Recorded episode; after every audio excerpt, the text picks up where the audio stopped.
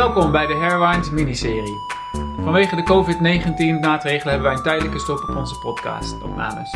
Om toch na te blijven denken aan de hand van culturele objecten zijn we een miniserie over emoties gestart. We kiezen een cultureel object uit dat voor ons veelzeggend is over een bepaalde emotie, leggen uit waarom en sturen dit naar de ander. Die reageert en zelf vertelt over een ander object. Ten slotte volgt de reactie van de eerste. Deze aflevering gaat over eenzaamheid. In tijd van isolatie kan ik me voorstellen dat iedereen op bepaalde momenten eenzaamheid voelt. Ehm, voor mij is het echt interessant om na te denken over het verschil tussen eenzaamheid en alleen zijn. Ehm, wanneer ben je alleen? Is dat gewoon als er niemand om je heen is? En wanneer ben je eenzaam? Is dat als je afstand voelt of geen contact voelt? Het, komt meteen op een uh, voelen uit. Ehm, het kan ook helemaal goed mogelijk zijn dat als je nu in isolatie in je huis zit en naar buiten gaat en probeert netjes afstand te houden van mensen, dat je eigenlijk ineens voelt dat het toch wel heel druk is in het park. Dat is in ieder geval wat ik merk. En dan voel ik me helemaal niet alleen en lijkt het wel alsof er heel weinig ruimte is om me heen. Um, bij die tegenstelling tussen alleen zijn en eenzaamheid moet ik altijd meteen denken aan een gedicht van William Wordsworth, I Wandered Lonely as a Cloud.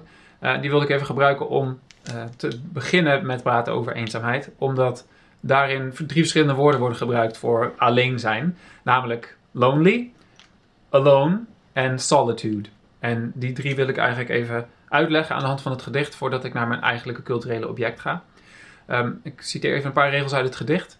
I wandered lonely as a cloud that floats on high over vales and hills, when all at once I saw a crowd, a host of golden daffodils. Dit is de opening van het gedicht en daar zit dus de, de titel al in en het lonely zit erin. En daar zit volgens mij de eenzaamheid in. Hij is alleen en hij, hij zwerft rond. En daarin zit dus een emotie die niet prettig is, want hij voelt zich eenzaam. Maar daarna ziet hij heel veel mooie bloemen. Uh, een crowd daarvan. Dit worden ook in de rest van het gedicht gepersonifieerd. En um, omdat hij zo'n mooie herinnering heeft aan die bloemen, voelt hij zich helemaal niet meer zo alleen. En het gedicht eindigt uh, met een strofe die begint met They flash upon that inward eye which is the bliss of solitude, and then my heart with pleasure fills and dances with the daffodils. Als hij nu dus alleen is en hij denkt na en hij, hij kijkt naar uh, het in zijn binnenoog, uh, denkt aan zijn herinneringen eigenlijk, en hij denkt aan die bloemen, is hij weer helemaal blij. Dus nu is de loneliness veranderd in solitude. En ehm, ik was eigenlijk benieuwd uh, waar dat verschil dan in zit. We zijn allemaal nu alleen in onze huizen, tenzij we zijn opgesloten met familie of vrienden of wat dan ook. Maar in ieder geval afgesloten van andere mensen. En als eenzaamheid een gevoel is, en we vinden het geen prettig gevoel, wanneer ontstaat dat gevoel dan? Waar hangt dat mee samen? En ik wil het over uh, eenzaamheid gaan hebben uh, aan de hand van een manga-serie, genaamd Lone Wolf and Cub in vertaling. Um, het is gemaakt door hier hebben we een exemplaar. Door uh, Kazuo Koike en Gozeki Kojima. Um, en ik zal eerst even kort vertellen waar het over gaat. Het gaat over een man genaamd Igami, Igami Ito uh, en zijn zoontje Daigoro. Um, hij was uh, hoog geplaatst in de regering van de shogun. Hij was de beul, wat een stuk naarder klinkt, of in ieder geval een stuk lager klinkt in de westerse context dan in deze tijd in Japan. Ten tijde van de samurai, of eigenlijk net daarna. Um, er was natuurlijk vaak rituele zelfmoord in uh, Japan. En uh, daar was dan vaak iemand bij, de assistent als het ware, die ervoor zorgde dat als iemand zijn ingewanden had opengereten, dat hij dan het hoofd afhakte, zodat het lijden niet te lang was. En dat was eigenlijk een hele hoge eer.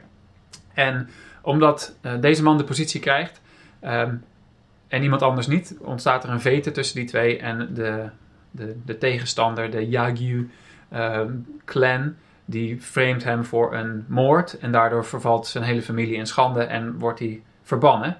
Um, en hij is vastberaden om dat onrecht recht te zetten. Zijn vrouw heeft al zelfmoord gepleegd en hij geeft zijn zoontje de keus om of uh, te sterven of met hem mee te gaan. Het kindje is alleen nog maar één, dus die kan niet echt kiezen. Dus hij geeft een bal aan de ene kant en een zwaard aan de andere kant. En het kindje lijkt eerst de bal te kiezen, maar kiest dan het zwaard. En dat betekent dus dat, hij, dat ze samen op reis gaan. Um, en uh, hij wordt huurmoordenaar om geld te verzamelen. En als hij genoeg geld heeft verzameld, dan kan hij uh, een onderzoek in laten stellen naar de Yagyu. En dan kan hij daarmee eindelijk zijn eer redden en de eer van zijn familie redden.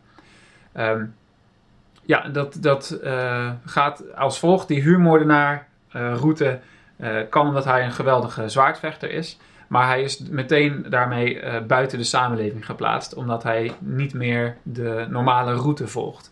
En uh, de term die daarvoor wordt gebruikt is um, Meifumado, als ik dat misschien enigszins goed uitspreek. En dat is de weg van iemand die een belangrijke kweeste heeft. En hij plaatst zichzelf daarmee dus buiten de samenleving en buiten de normale boeddhistische, shintoïstische leefregels.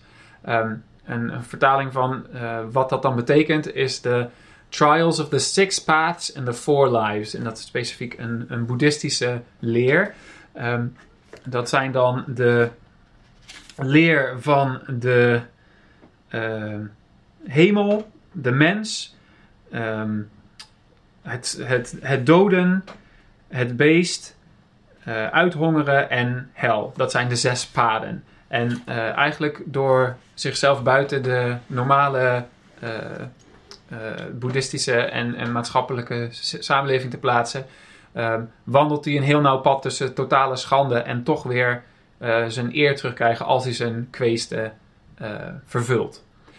Um, het, de, de grootste deel van de serie gaat eigenlijk over de individuele opdrachten die hij krijgt, waarbij hij altijd een enorm groot geldbedrag vraagt. En dan um, het hele verhaal van degene wil weten die de, uh, de moordopdracht laat uitvoeren. En over het algemeen zijn dat moorden die worden gepleegd voor eer. En hij gaat alleen akkoord als het in zijn hoofd strookt met de, de, de eerzaamheid van zijn pad.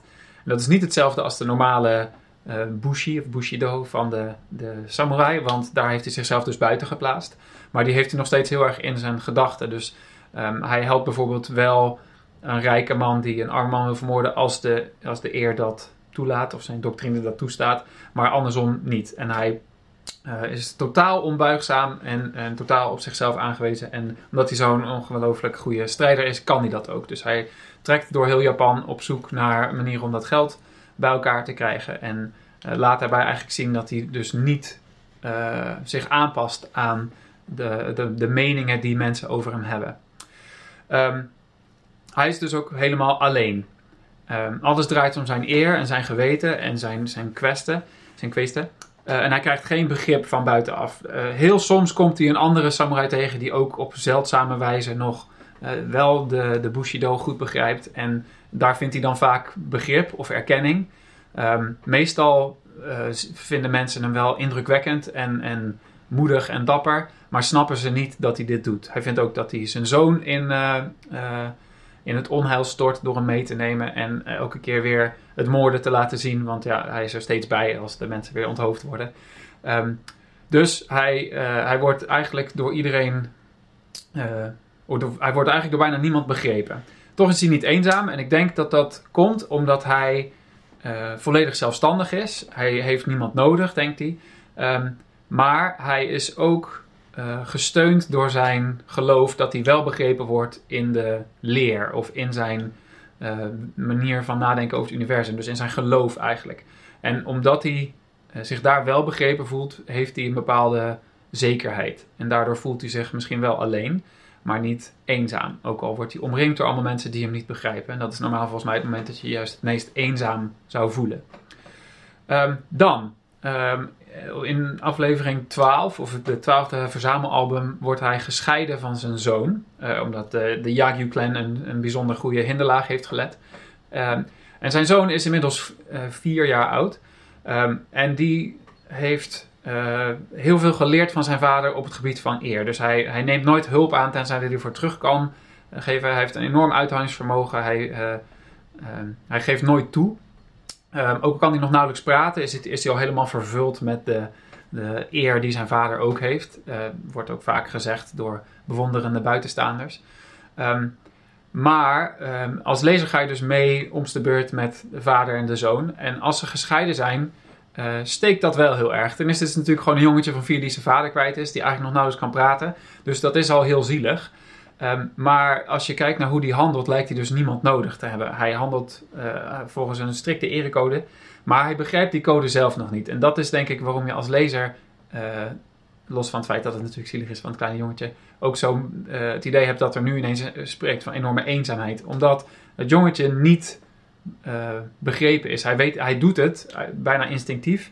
En hij handelt op een bepaalde manier, maar hij heeft de duiding van zijn vader nodig en de goedkeuring van zijn vader nodig en de erkenning van zijn vader nodig. Terwijl zijn vader die niet nodig leek te hebben. Alleen als je, uh, terwijl ze gescheiden zijn, ook de verhalen van de vader leest, zie je eigenlijk al vrij goed dat uh, ook de vader uit balans is. En misschien is het wel zo dat hij uh, de goedkeuring volledig kan halen uit zijn geloof en zijn, zijn eer. Maar ehm, er is ook iets wat verbonden is aan zijn zoon. En als hij uh, zijn zoon niet ziet, niet bij zich heeft, is hij dus niet compleet. En uh, het is natuurlijk ook tekenend dat zijn naam als, uh, als moordenaar, dat is de naam van de serie, is Lone Wolf and Cub. Dat is in Japans dan een mooie frase ongetwijfeld, maar dat is de naam van zijn alter ego. En dat betekent dus dat in zijn identiteit een stuk besloten ligt dat hij samen met zijn zoon op reis is. Um, en ik denk dat daar eh, meteen de sleutel in ligt van dat hij nu toch ook eenzaam is. Um, hij is zelfstandig, hij is krachtig, hij is moedig, hij kan alles. Um, maar zolang zijn, zijn, zijn verhaal van zichzelf, zijn identiteit op dat moment niet compleet is, heeft hij toch behoefte aan iemand anders en aan contact. Um, de vader en zoon komen elkaar tegen weer bij een nieuwe opdracht natuurlijk. Waarbij eh, de zoon eh, het, land door is gaan wandelen en de, uiteindelijk de vader tegenkomt. Ehm, maar dat is op het moment dat het, uh, het zoontje bijna verdrinkt in een rivier. En de vader springt uiteraard heldhaftig in de rivier om hem te redden. En vindt hem ook en kan hem dan dus um, terug aan land brengen. En dan zal ik even kijken of dit op de camera een beetje een idee geeft van de stijl meteen. Hier zien jullie dus hoe die zijn zoontje eindelijk weer vast heeft. En op dit plaatje hier zien jullie papa. En de heldhaftige man zegt de, de Daigoro. En op die manier zijn ze dan toch weer herenigd. En in het hoofdstuk daarna wordt er ook uh, in de, door de verteller gezegd: Father and son reunited. Truly this fated pair were bound by ties beyond the ken of men. En uh, in dat mythische, hoogdravende stukje uh, vertelling zit volgens mij ook de reden dat de emotie zo hoog oploopt voor de lezer als deze twee van elkaar gescheiden zijn. Want ook al zijn ze zelf totaal in controle, lijkt het, en hebben ze, hebben ze meer dan genoeg zelfstandigheid om zichzelf te redden. Um, ze, ze, horen bij elkaar. Ze hebben zichzelf geïdentificeerd als samen zijn, lone wolf en cub. Um, en daarmee kun je dus zien dat Ogami Ito ook niet zonder zijn zoon kan zijn, zijn verhaal over zichzelf en zijn concept van wie die is stort in. Eer en Bushido en zijn kweesten zijn het allerbelangrijkste. Maar je ziet dat hij dat meet aan de hand van zijn zoon en zijn nalatenschap. En die hele kweeste is nog steeds van belang voor het abstracte en het, het religieuze. Maar um, praktisch gezien heeft hij gewoon zijn zoon naast zich nodig, die bevestigt dat hij dit allemaal doet voor zijn familie en de eer van zijn familie en zijn nalatenschap.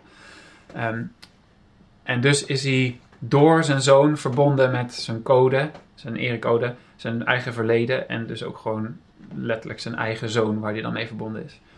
En ik vermoed dat dat het verschil is tussen alleen zijn en eenzaam zijn. Als je alleen bent, maar je weet dat je uh, begrepen bent of verbonden bent, um, kun je best een hele tijd alleen zijn. Ongetwijfeld is daar een grens aan, want als mens heb je gewoon behoefte aan menselijke interactie en aan contact. Maar ik denk, zolang je een gevoel hebt dat je verbonden bent met andere mensen, ben je niet eenzaam. En in dit geval is dat dus de vader met de zoon. Um, en eventueel alle andere samurai die op de een of andere manier zijn, zijn eer en zijn kweest te begrijpen. En zodra je niet meer verbonden voelt, voel je dus eenzaam. Of er nou mensen zijn uh, in de buurt of niet. Uh, want het strookt niet en je voelt je niet verbonden, waardoor die eenzaamheid alleen nog maar verder benadrukt wordt. Oké, okay, ik ben benieuwd wat je daarvan vindt. Uh, ja, dankjewel voor deze analyse, Wessel. Wat ik heel mooi vond aan je analyse was dat je een verschil maakte tussen alleen zijn en eenzaamheid, waarbij eenzaamheid eerder een verlies aan verbondenheid is dan uh, fysiek alleen zijn. Uh, en in jouw voorbeeld gaat het dan over een verbondenheid door de erecode die niet geheel samurai is, maar wel erop gebaseerd. En in uh, mijn voorbeeld gaat het ook over verbondenheid door een geloof en in dit geval het christelijke geloof. Ik wil het hebben over The Book of Strange New Things van Michel Faber. Ehm, in het boek uh, is de hoofdpersoon Peter Lee. Hij is een uh, christelijk missionaris die wordt uitgezonden naar een planeet waar de aliens heel erg geïnteresseerd zijn in de Bijbel. En uh, de aliens noemen het, de Bijbel The Book of Strange New Things. Um, hij moet daarvoor zijn vrouw Bea achterlaten op aarde. En de aarde gaat een beetje ten onder, want er zijn voedseltekorten, geweld in de steden, overstromingen, etc. etcetera. Het is zeg maar de apocalyptische variant van onze huidige aarde. Uh, de planeet Oasis wordt gerund door een machtig concern, eh, USIC. En Peter is ingehuurd om de plaatselijke bevolking tevreden te stellen, zodat het bedrijf door kan gaan met die planeet exploiteren. Wat ik heel mooi vond aan mijn editie van het boek, die überhaupt al heel mooi is, is dat op de harde kaft een quote staat. Ik denk niet dat jullie hem kunnen lezen. Um, I'm with you always, even unto the end of the world. Uh, dit zijn de laatste woorden van het boek Matthäus uit de Bijbel. En ook de laatste woorden uit het boek. Um, de laatste zin in het boek is: He thought of Matthew's last words and the meaning they could have for two people who love, loved each other. I'm with you always, even unto the end of the world.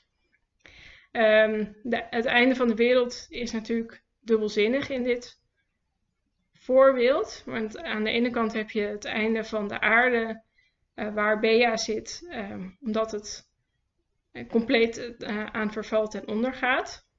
En aan het einde van het boek wil Peter ook terug naar de aarde, zodat hij de laatste tijd van de aarde kan doorbrengen met Bea en zijn ongeboren kind. Um, tegelijkertijd betekent de quote het voorbij de aarde zijn, want de hoofdpersoon Peter is letterlijk op een andere planeet.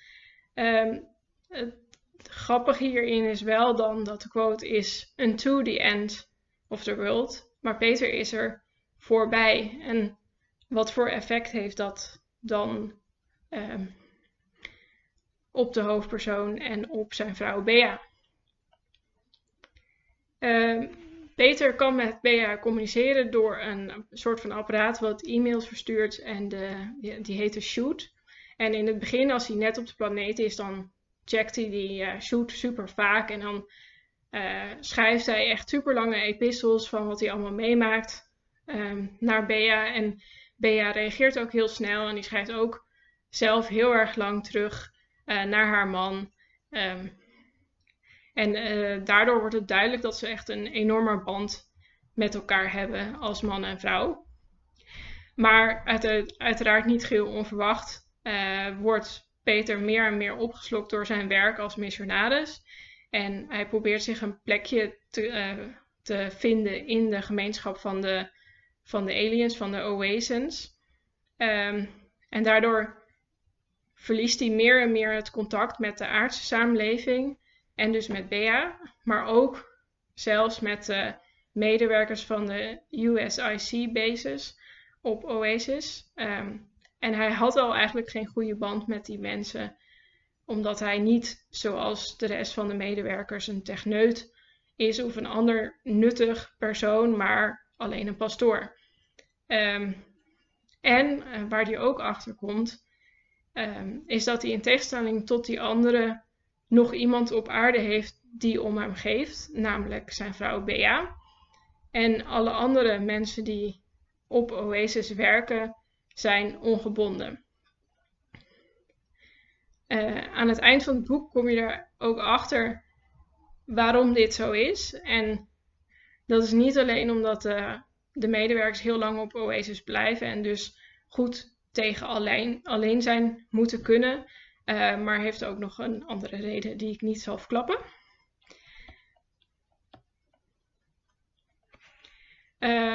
Wat ik leuk vond aan jouw analyse, Wessel, was dat er dus drie woorden zijn die te maken hebben met eenzaamheid. In het Engels alone, solitude en loneliness. Nederlands heeft een minder mooie tegenstelling, want je hebt alleen eenzaamheid als in solitude en eenzaamheid als in loneliness of misschien kan je het isolement noemen. Maar dat is misschien toch net iets anders. Um, The Book of Strange New Things is uiteraard een pun, een dubbelzinnigheid. Het is niet alleen de benaming van de Bijbel door de Oasis, maar het is ook het boek zelf, waarin Peter uh, Strange New Things ervaart. Um, en wat je ziet in het boek is dat de fysieke afstand, dus de immense fysieke afstand en het alleen zijn tussen Peter en zijn vrouw Bea, uiteindelijk ook leidt tot mentale afstand. Uh, ze zitten letterlijk in andere werelden en hebben andere dingen aan hun hoofd. Uh, Peter zijn bijbelwerk bij de Oasens en Bea de beangstige situatie op aarde. Uh, en ik denk dat dat goed laat zien waar alleen zijn overgaat in eenzaamheid. Alleen zijn is de fysieke ervaring van afstand tot andere mensen. En eenzaamheid is de emotionele afstand tot andere mensen. Um, we hebben natuurlijk nu een crisis waarin we fysieke afstand moeten bewaren tot andere mensen.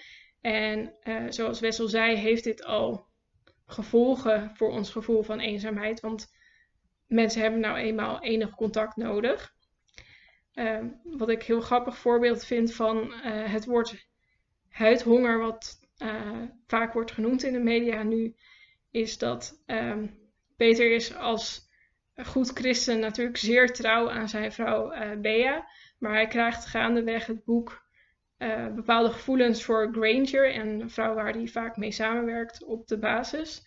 En Granger is niet eens zijn type of zo, maar ze is gewoon simpelweg daar. En zijn vrouw is er fysiek niet. Uh, en daardoor vindt zijn huidhonger een weg naar Granger. Um, we moeten dus nu ons uh, fysiek moeten we afstand houden tot andere mensen. Dus we zijn alleen. Het, het eerste betekenis van eenzaamheid. Maar we ervaren ook solitude. En dat is wellicht de positieve kant van alleen zijn.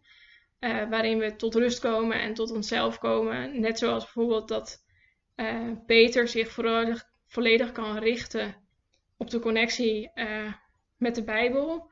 En ook met zijn verleden. Hij kan zijn verleden overdenken. Hij heeft best wel een moeilijk verleden gehad met uh, drugsproblemen en zwerverschap. En um, gedurende de tijd dat hij op die andere planeet zit, komt hij meer en meer in een soort ritme. Of bijna ja, otherworldliness. Uh, door de solitude die kan ervaren op Oasis. Um, wat we in deze crisis nu minder ervaren, denk ik, is loneliness. Dus de eenzaamheid van emotioneel isolement. Uh, Peter en Bea raken van elkaar verwijderd doordat hun wereldbeelden splitsen. Uh, net zoals dat Lone Wolf en zijn zoon juist verbonden waren doordat ze een gezamenlijk wereldbeeld hadden. Um, en ik heb ook het idee, persoonlijk, dat we door deze crisis juist meer verbonden met elkaar raken. Um, we zien dit, veel van ons zien dit als een periode van bezinning, van solitude, maar ook van het scherpstellen van waar het nou eigenlijk om gaat. Dus om het scherpstellen van wereldbeelden. En ja, laten we eerlijk zijn, we willen niet terechtkomen in de wereld waarin Bea zich bevindt. Uh, een wereld die ten onder gaat. En uh, ons verbonden voelen met elkaar is daarin de sleutel. Um, wat The Book of Strange New Things ook wel laat zien, denk ik, is dat je verschillende vormen van eenzaamheid afwisselend of misschien zelfs tegelijkertijd kunt ervaren. Uh, je kan fysiek alleen zijn, maar niet eenzaam, zoals in Lone Wolf en Cub. Je kan fysiek niet alleen zijn, maar je wel eenzaam voelen. En je kan, zoals Peter, je tegelijkertijd laven aan je eenzaamheid, dat solitude is, en verwijderd raken van je geliefde, zoals eenzaamheid als loneliness doet. En je kan zelfs nog tegelijkertijd je verbonden voelen, zoals Peter met de oasens doet, en eenzaam, zoals Peter ten opzichte van Bea doet. Nou Wessel, ik ben benieuwd wat jouw uh, reactie hierop is. Dankjewel voor je verhaal over The Book of Strange New Things. Ehm, ik denk dat je in ieder geval heel mooi hebt aangetoond in dit voorbeeld dat er een heel groot verschil is tussen fysiek afstand en emotionele afstand. Dat vind ik een mooie manier om te praten over eenzaamheid. Ehm, maar tegelijkertijd viel het me dus meteen op dat je beschreef dat als mensen fysiek van elkaar verwijderd zijn, dat ze dus een andere levensstijl hebben, omdat ze een andere belevingswereld hebben vaak. In ieder geval op twee verschillende planeten, hoewel dat misschien een extreem voorbeeld is. En dat ze daardoor ook emotioneel afstand tot elkaar kunnen voelen. Uh, met andere woorden, als je twee verschillende levens leidt, dan zul je ook uh, twee verschillende. Uh, je, je, veel meer voelen dat je twee verschillende personen bent en dus minder verbonden voelt met elkaar. Um, en ik, ik vind het interessant dat in de huidige omstandigheden, waarin we dus fysiek afstand moeten bewaren, dat we juist wel meer verbonden lijkt, zoals je zegt ook. Um, en ik vraag me af of dat komt omdat we nu dus her, herbezinnen op wat we belangrijk vinden, zoals jij dat zei. Ik denk dat dat klopt.